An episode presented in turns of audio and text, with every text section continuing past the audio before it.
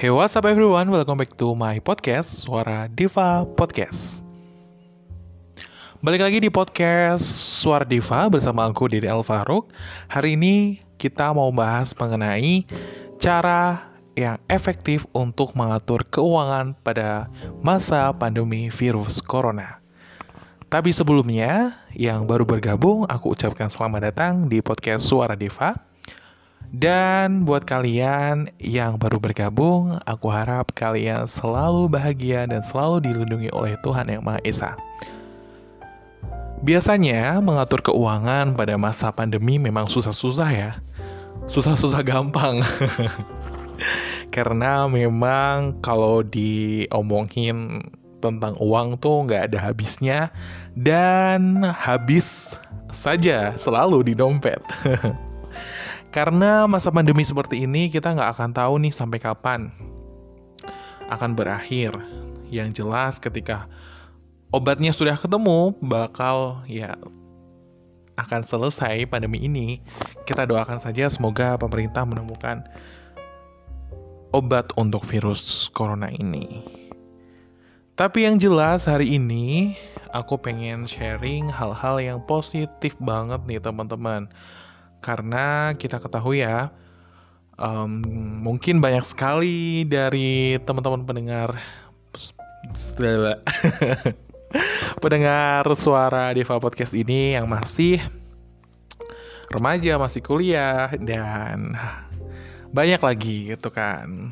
Masih bingung tentang mengatur keuangan yang baik pada saat pandemi seperti ini.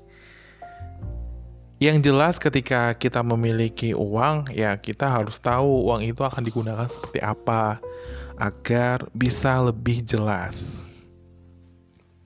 Karena kebutuhannya tuh kadang sedikit, tapi tiba-tiba kadang kita membutuhkan kayak misalnya obat-obatan yang yang tadinya kita nggak butuhin gitu loh, tapi sekarang kita butuhin. Makanya atur pengeluaran itu sangat penting biasanya sih agar lebih mudah sih kita bikin um, list gitu loh. Satu hari ini kita ngabisin uang tuh untuk apa aja. Alangkah baiknya kita list tuh. Jadi kita akan tahu flow-nya ke depannya. Dari hari uh, pertama mungkin 50 ribu, hari kedua mungkin 100 ribu, hari ketiga 50 ribu lagi. Jadi uh, kita tahu tuh misalnya setelah satu minggu kita rekap, oh ternyata selama seminggu ini banyak jajannya nih daripada kebutuhan-kebutuhan yang uh, prioritas. Nah, itu bisa dikurangin untuk minggu selanjutnya. Jadi lebih jelas dalam uh, mengatur pengeluaran yang kita sebenarnya tidak terlalu butuhkan. Jadi lebih tahu lagi. Sama halnya itu adalah mengevaluasi pemasukan setelah tadi atur pengeluaran, kita perlu nih evaluasi pemasukan kita. Jadi selama satu bulan ini pemasukan kita tuh akan berapa gitu. Mungkin teman-teman yang sudah bekerja mungkin ya akan tahu jelas gitu pemasukannya berapa gitu kan. Tapi buat teman-teman yang tidak bekerja seperti aku masih mahasiswa ya otomatis pemasukannya ya segitu gitu kan dikasih orang tua. Jadi lebih jelas lagi. Setelah kita mendapatkan pemasukan kita, sebaiknya juga kita akan rinci lagi nih. Jadi kira-kira pemasukan kita akan kita plotting ke mana aja nih? Karena kan biasanya kalau uh, mahasiswa kan ya waktunya ya satu bulan gitu kan. Apalagi kalau misalnya jauh dari orang tua dan orang tua hanya memberikan segitu gitu kan.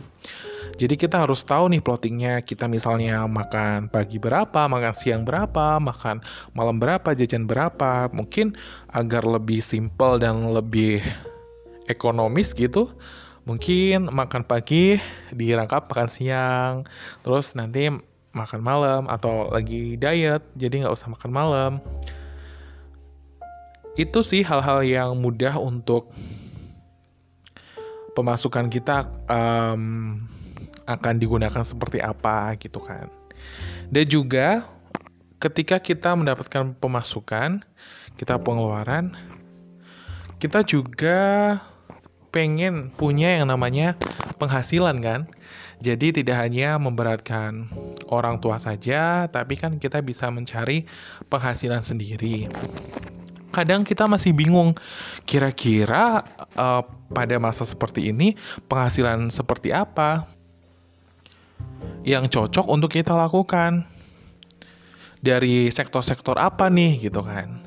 Sebenarnya caranya mudah dan kalau kalian mengamati banyak sekali teman-teman yang um, tadinya bukan siapa-siapa tiba-tiba nongol terus hits viral gitu kan. Itu sih dia keren sih gitu. Uh, dia memanage media sosialnya dilakukan dengan baik seperti misalnya Instagram, lagi heboh ada TikTok. Itu kalau kita memanage dengan baik, kita bisa cari penghasilan dari situ. Kita bisa menerima endorse dari Instagram. Tapi sebelumnya kita perlu banget nih menata yang namanya uh, media sosial kita.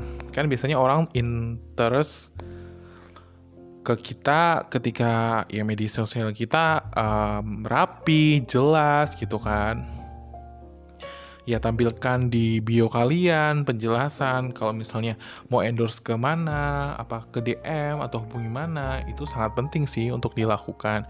Serta tampilan look gitu dari feed Instagramnya jelas juga, terus kalian bisa meng uh, influence orang lain itu mungkin yang akan mengendorse kalian itu tertarik gitu loh. Jadi memanage media sosial itu sangat penting. Ataupun kalau misalnya masih bingung bagaimana sih menata um, feed Instagram kita agar orang lain itu tertarik ya? Kalian bisa searching lah kalian kan punya handphone yang bagus tuh kalian bisa banget searching tentang hal itu. Terus TikTok sebenarnya sih langkah awal ya. Sebenarnya um, ketika aku pernah baca artikel terus dia bilangnya gini nih sebenarnya TikTok bukan platform yang alay gitu. Terus bukan yang biasa, tapi dengan TikTok kalian bisa jadi luar biasa. Dan konten-kontennya ya perlu dipikir ulang sih gitu kan. Maksudnya yang bermanfaat untuk orang lain gitu. Toh juga ternyata di TikTok gak harus followersnya banyak, itu kalian tuh bisa dapat viewers yang banyak juga. Jadi nggak harus yang banyak dulu followersnya, tapi kalian bikin konten yang menarik, inovatif, dan belum ada sama orang lain itu akan menjadi calon viewers dari uh, tayangan kalian gitu kan. Apalagi sekarang tuh kayak hal-hal simple gitu loh. Kemarin aku nonton. Misalnya uh, ada bahasa-bahasa misalnya dari bahasa India atau bahasa Thailand atau Korea yang mungkin uh, dia ngomongnya apa. Tapi kalau di Indonesia itu mungkin dengernya apa gitu kan. Itu aku lucu banget gitu loh kemarin nonton di Instagram. Aku lupa ID-nya siapa namanya. Tapi itu dia kreatif gitu loh. Jadi kita ke depannya harus bisa lebih kreatif apalagi kita masih remaja masih muda gitu kan. Ya bikin misalnya apa ya? Um, cara ngecat rumah lebih simple mungkin ya. Itu kan mungkin belum ada. Atau cara bikin uh, pekarangan rumah lebih bermanfaat. Ya hal-hal simple yang bener-bener greget gitu loh. Terus kemarin juga agak ada agak horror juga sih Uh, jadi temanku kayak share gitu TikTok dari orang lain. Orang lain. jadi tuh dia kayak gambar um, sesuatu yang agak um, menakutkan gitu kan. Abstrak sih. Terus dia kita suruh ngelihat titik yang ada di hidungnya tiga gitu kan. Um, ngelihat itu uh, selama 10 detik sampai 15 detik aku lupa. Terus habis itu kita lihat ke kayak langit-langit atau ke tembok terus kita kedip-kedip gitu aku mau mempraktekkan nih. Kedip-kedip gitu lah gambarnya itu muncul guys. Jadi gambar horor itu muncul gitu kan. Hah, kok bisa gitu? Itu kan kreatif gitu loh. Out of the box banget. Yang jelas itu aku apresiasi banget sih. Aku pengen tepuk tangan sama orang-orang yang bisa seperti itu. Ya kalau kata salah satu tiktokers sih sebaiknya kita jarang melihat um, tayangan tiktok orang lain. Karena takutnya itu apa ya ih kok niru gitu loh. Pernah nggak sih kalian kayak gitu? Jadi tuh kalian uh, mungkin pernah mendapatkan informasi apa terus kalian remix mungkin kalian ATM ya mati tiru dan modifikasi. Tapi kadang orang lain itu tuh menganggap ih kok sama sih kayak punya aku gitu kan. Nah itu kalau salah satu tiktokers yang pernah aku tonton di YouTube-nya Amel Carla itu dia ngomongnya uh, sebaiknya dikurangin biar apa ya inovasinya tuh lebih baru gitu. Jadi nggak sama dengan yang sudah pernah dibuat dengan oleh orang lain. Seperti itu Ya biasanya share-nya sih di TikTok atau nggak di Instagram ya. Kalau di Instagram kan banyak banyak banget kayak platform yang um, repost TikTok kalian. Ya kalian tambahin um, caption yang menarik, terus hashtag yang menarik juga. Jadinya orang juga akan tertarik gitu, langsung DM. Terus kemarin tuh aku lihatnya sih kayak ya dia belum terlalu banyak banget sih baru ribuan. Tapi udah kayak di DM sama salah satu perusahaan um, makanan atau minuman untuk um, dia bikin konten tentang produk dari perusahaan itu. Itu luar biasa banget sih. Tapi kalau aku misalnya ya bikin podcast aja dulu gitu kan. Aku harus melatih public speaking aku. Ya biar kata-kata yang emang um, nih kayak misalnya um uh, gitu kan bisa hilang gitu lah ya setidaknya berkurang gitu. Jadi lebih mudah dalam mengaplikasikan kata-kata yang ada di otak. Jadi sinkron nih antara otak dengan mulut. Itu um, yang ketiga adalah cari penghasilan ya. Terus selanjutnya adalah keempat yaitu dana darurat kita perlu banget yang namanya dana darurat teman-teman. Ketika kita sudah memiliki penghasilan, pemasukan, kita harus punya yang namanya dana darurat. Ya kalau bisa dibilang ya 10% dari um, penghasilan atau pemasukan yang kita miliki setelah di total-total gitu. Dana darurat ini untuk apa sih gitu kan? Ya dana darurat ya akan digunakan pada saat waktu darurat. Jangan sampai dana darurat digunakan pada waktu yang biasa aja. Itu bukan dana darurat, itu dana sokongan. untuk happy-happy gitu kan.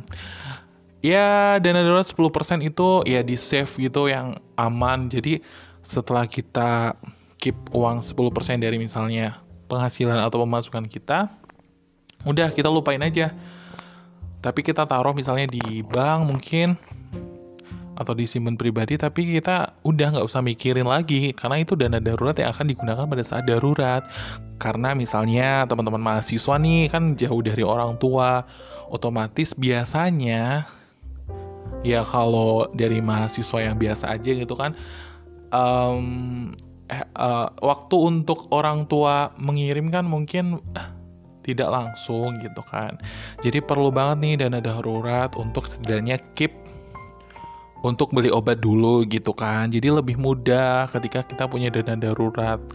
Nggak kan nggak enak juga ya kalau misalnya kita minjam gitu kan. Alasannya sakit lagi, Allah tambah ngenes gitu loh. Setidaknya kalau kita punya dana darurat ini bisa membantu pada saat kita mengalami hal-hal yang darurat. Lanjut yang terakhir adalah hindari hutang. Ya, kita tahu bahwasanya pada masa um, pandemi seperti ini pengeluaran banyak, tapi pemasukan kosong gitu kan. Jadi kita pengen BM banget gitu loh lihat temen baju baru, handphone baru, kamera baru, laptop baru, semuanya jadi pengen. Jadi kita menghalalkan segala cara untuk mendapatkannya. Seperti kayak kredit-kredit gitu loh. Sempat aku punya temen kayak dia um, pengen banget pengen handphone kayaknya kalau nggak salah kayak baju juga pengen banget tuh eh ternyata uh, salah satu counter tuh kayak menawarin kredit gitu kan emang sih um, kalau dipikir mungkin tidak terlalu banyak untuk dikeluarkan. tapi itu akan dikeluarkan setiap bulan. Sedangkan ini pandemi seperti ini aja nggak um, nentu kapan selesainya gitu kan.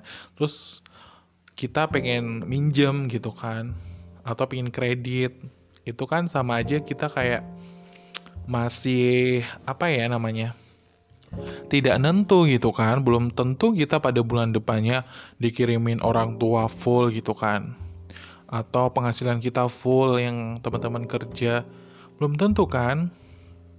Apalagi biasanya kalau misalnya teman-teman kerja itu kan uh, mungkin gajinya itu agak di remix untuk kayak karena kan beda ya maksudnya biasanya penghasilan pada saat pandemi seperti ini mungkin agak nurun terus harus ngikutin dengan penghasilan itu itu perlu dipikir lagi sih kalau misalnya di waktu-waktu seperti ini seperti itu jadi kalau misalnya teman-teman juga terfikir nih tergiur untuk investasi, sebaiknya hutangnya um, dilunasi dulu gitu loh, baru teman-teman akan investasi. Karena kalau misalnya um, investasi dengan teman-teman memiliki hutang banyak, memiliki hutang satu atau dua, itu kayak menurut aku beban sih tapi yang jelas nanti aku bakalan bahas mengenai hal ini lebih rinci lagi tentang investasi. Tapi yang jelas adalah hindari hutang ya teman-teman. Karena kita belum ngerti banget nih pemerintah akan menemukan obatnya um, di bulan kapan atau mungkin di tahun depan gitu kan. Tapi aku pengennya sih yang secepatnya karena ya seperti ini teman-teman. Aduh teman-teman yang mungkin lagi KKN gitu kan, KKN dari rumah. itu sih um, ya semangat aja ya lagi magang terus magangnya jadi udah pilih tempat eh ternyata cancel karena close gitu kan itu ya dinikmatin aja dulu karena ya benar-benar untuk menjaga kita agar tidak terpapar virus corona ini. Udah banyak banget ya sampai 5 ternyata bahasanya udah sampai menit keberapa nih? Keberapa nih? Aduh kok krik-krik banget. Yang jelas selalu positif teman-teman. Always positif cause negative make you have problem for every solution. Jadi teman-teman harus positif dan selalu menanggapinya sebagai sebuah pembelajaran hidup. Karena saya uh, aku tahu bahwasanya virus corona ini ya baru waktu ini terjadi gitu kan. Ini sebagai pembelajaran hidup untuk kita semua Sorry banget apabila ada salah-salah kata dalam penyampaian, kritik dan saran sangat ditunggu banget. Bisa DM langsung di Suara Deva Podcast. Dan jangan lupa untuk follow Instagram aku di Dede Alfaruk. Dan buat kalian yang mau berkolaborasi atau berbisnis, bisa di Deva TV business at gmail.com. Thank you teman-teman, that's all. Dan see you semuanya.